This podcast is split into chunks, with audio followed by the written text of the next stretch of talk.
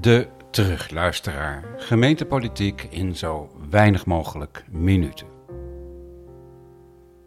Mijn naam is Erik van der Velde. Ik zit de Amersfoortse Raad op de huid middels samenvattingen en het leveren van commentaar. We moeten het toch nog een keertje hebben over Sam en Sophie. De twee beoogde woontorens op de prominente hoek Stadsring Utrechtseweg, poortgebied naar de historische binnenstad. Ik weet het, het is een uitgekoud onderwerp. Maar het zou zomaar eens kunnen dat deze bouwwerken uit gaan groeien tot een collectieve ergernis voor de komende generaties. In de boeken gaan als een kanjer van een foute stedenkundige beslissing, zoals eerder in Amersfoort is gebeurd met de keus voor de misplaatste locatie van Schouwburg Flint. De Rijksdienst voor Cultureel Erfgoed, RCE, sprak een vernietigend oordeel uit. Schaal en hoogte sluiten niet aan bij het karakter van het gebied. Er is sprake van een breuk met de eigen rijke en meer dan interessante stedenbouwkundige traditie. De manier van besluiten is voornamelijk gebaseerd op economische motieven. Een vernietigend oordeel dat op het allerlaatste moment binnenkwam en dat mede daarom geërgerd terzijde werd geschoven. Too little, too late.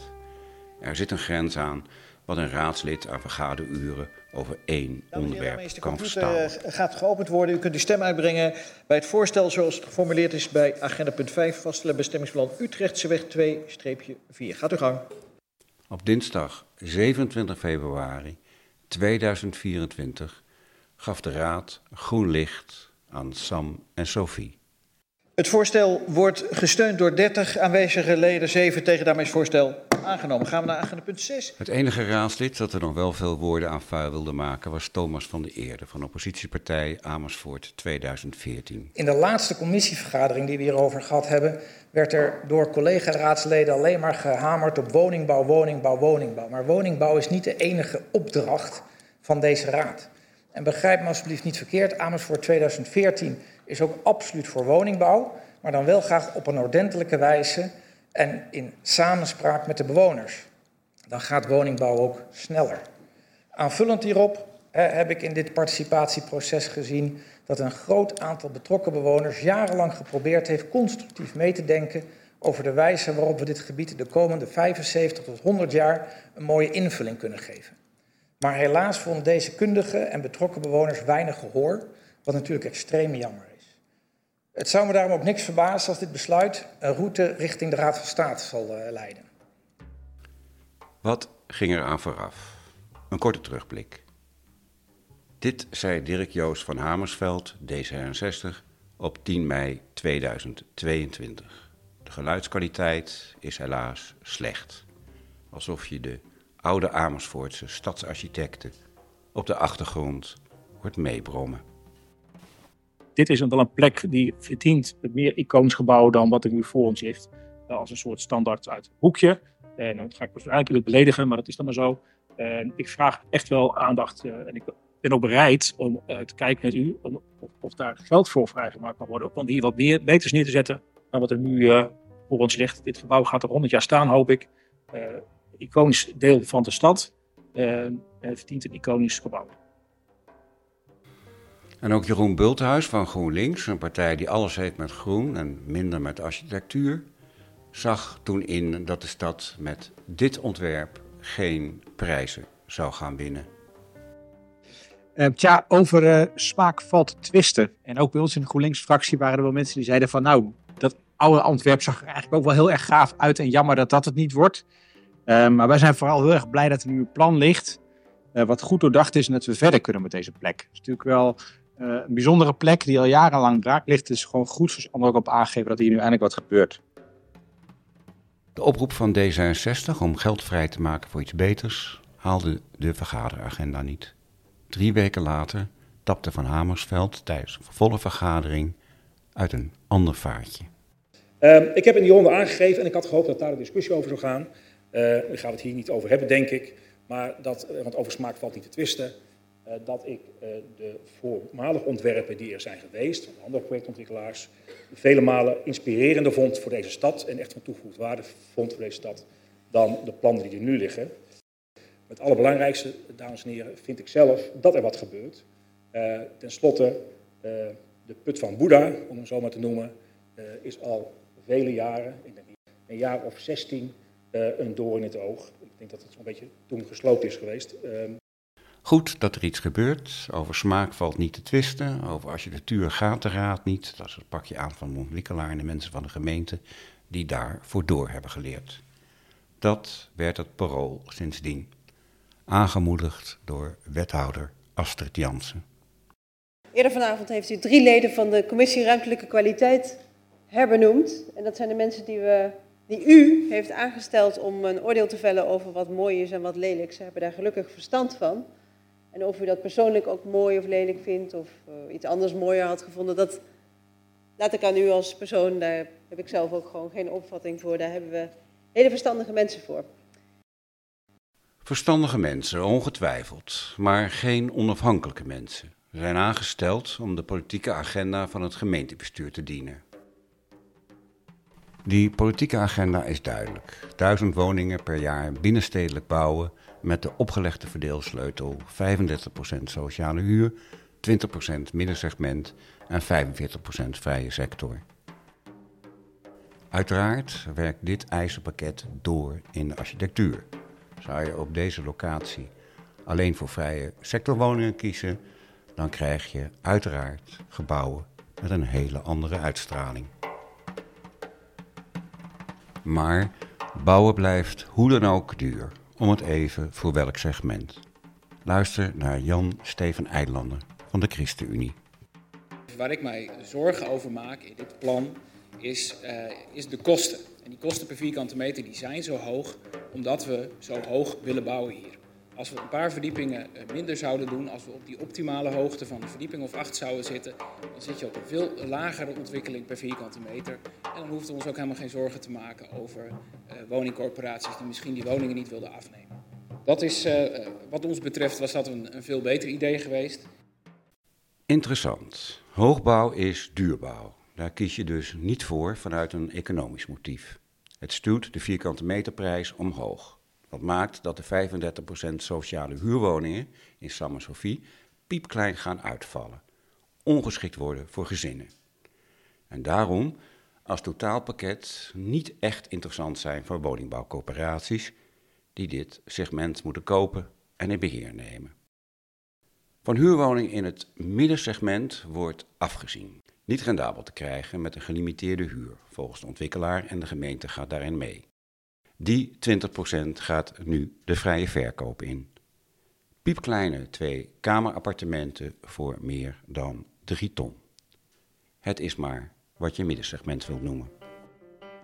Om de hoogbouw tot 50 meter mogelijk te maken ging de gemeente tegen de eigen hoogbouwvisie in. Op Utrechtseweg 2-4 is bij uitzondering wel meer dan acht lagen toegestaan.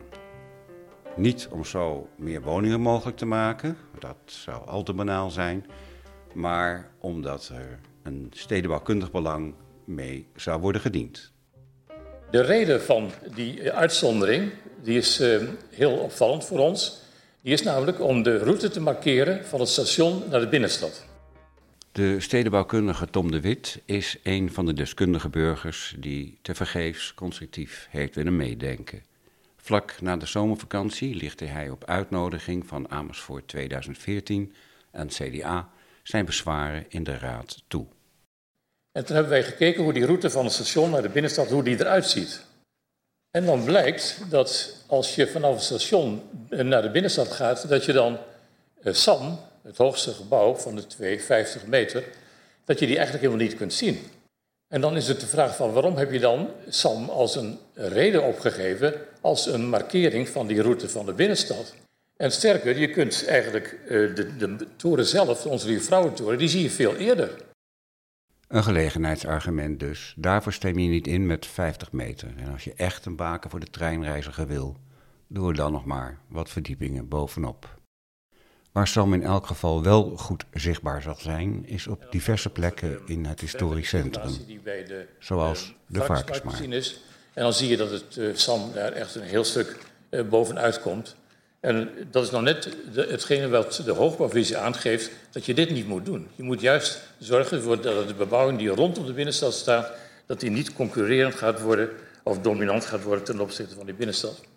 Dan zegt eh, de hoogbouwvisie iets anders, van je moet ook zorgen dat de, de toegangswegen naar de binnenstad, dat die uh, het vrije zicht houdt op de toren, op de Alsterdam Vrouwentoren. Nou, een van de belangrijke toegangswegen is natuurlijk in dit geval de Utrechtse weg. En als je links boven kijkt, dan zit u bij het, uh, de weg bij het spoorovergang. Daar kun je de, de Lange Jan heel goed zien, onze die Vrouwentoren. Maar die wordt, door het bouwing van SAM wordt dat zicht geblokkeerd. En dat is nou juist een heel cruciaal punt waarin je die toren van de binnenstad zou willen zien. De Wits collega, stedenbouwkundige Aad Trompert, kwam tijdens deze presentatie met een schets voor een alternatief plan. Met een ander gebruik van de beoogde bouwterreinen zou hetzelfde aantal woningen gerealiseerd kunnen worden, zonder dat er ver in de hoogte hoeft te worden doorgeschoten. Waarom zou een ontwikkelaar hier kiezen toch voor deze hoogte of massaliteit, waar het u ook, even, ook, ook over heeft? Kunt u daar beide een antwoord op geven? Wil Rob Smulders, PvdA, weten. Een terechte vraag natuurlijk. Waarom kiest een ontwikkelaar voor een dure optie als het ook goedkoper en mooier kan? Dat heb ik me ook voortdurend afgevraagd. En ik begrijp het eigenlijk niet. Want ik heb ook in mijn plan laten zien dat je met een iets, hoger, iets minder hoog gebouw en een, uh, een samenstel van gebouwen die samen zeg maar, een soort kralensnoer gaan vormen vanaf de stadsring naar de Zonnehof en daar heel logisch op aansluiten, dat je dan net zoveel woningen kan bouwen. Ik, ik weet dat als je hoog gaat bouwen, uh, veel volume, dat is zeker niet goedkoper. Als je kleinere volumes bouwt, die zijn wel goedkoper. Dus wat de reden erachter is, ik begrijp het niet. Zijn compaan Tom de Wit begrijpt het wel. Wij hebben in januari nog een keer een gesprek gehad met alle ontwikkelaars die er bezig waren in het Zonnehofgebied, samen met uh, de supervisor Loes Oudenaarde. En uh, toen hebben wij ook dit alternatief plan eerst uh, mogen presenteren. Toen dat klaar was, toen heb ik gevraagd aan Loes Oudenaarde, zou je als eerste willen reageren op datgene wat wij nu doen, wat wij gemaakt hebben?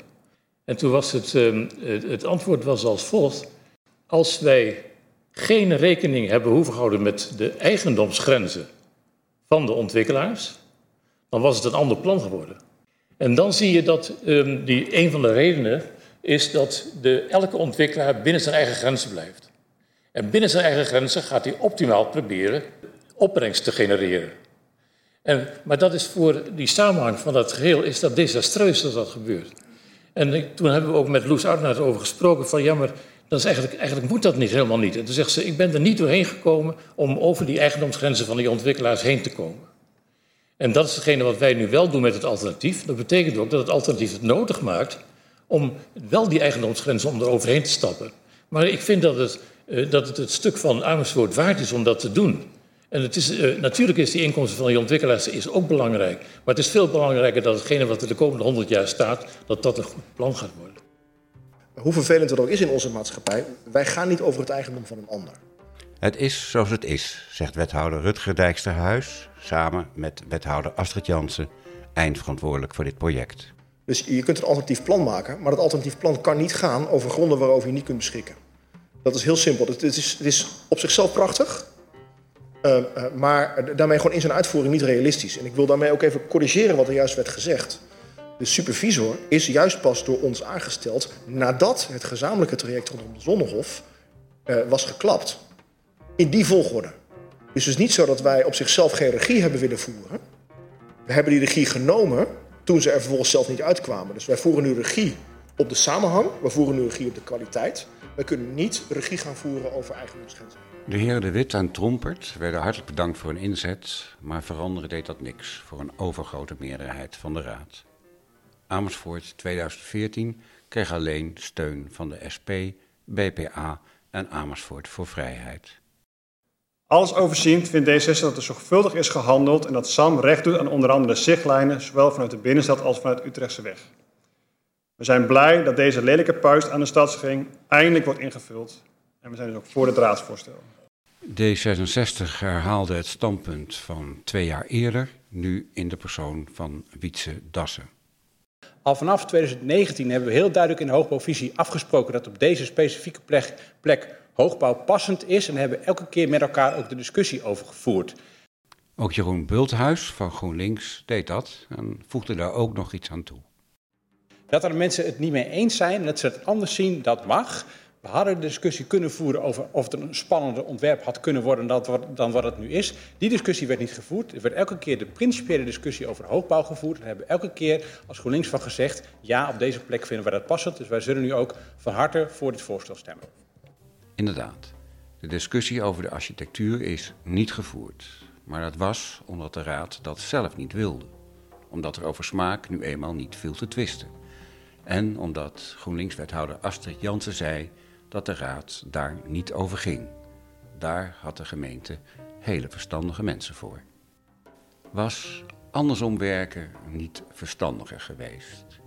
Eerst de architectuur in relatie tot de woningbouwopgave en pas daarna kijken of je een uitzondering moet maken in je hoogbouwvisie. Wordt ongetwijfeld vervolgd. Mondige burgers laten zich niet opzij schuiven. De Rijksdienst voor Cultureel Erfgoed werd al ingeschakeld.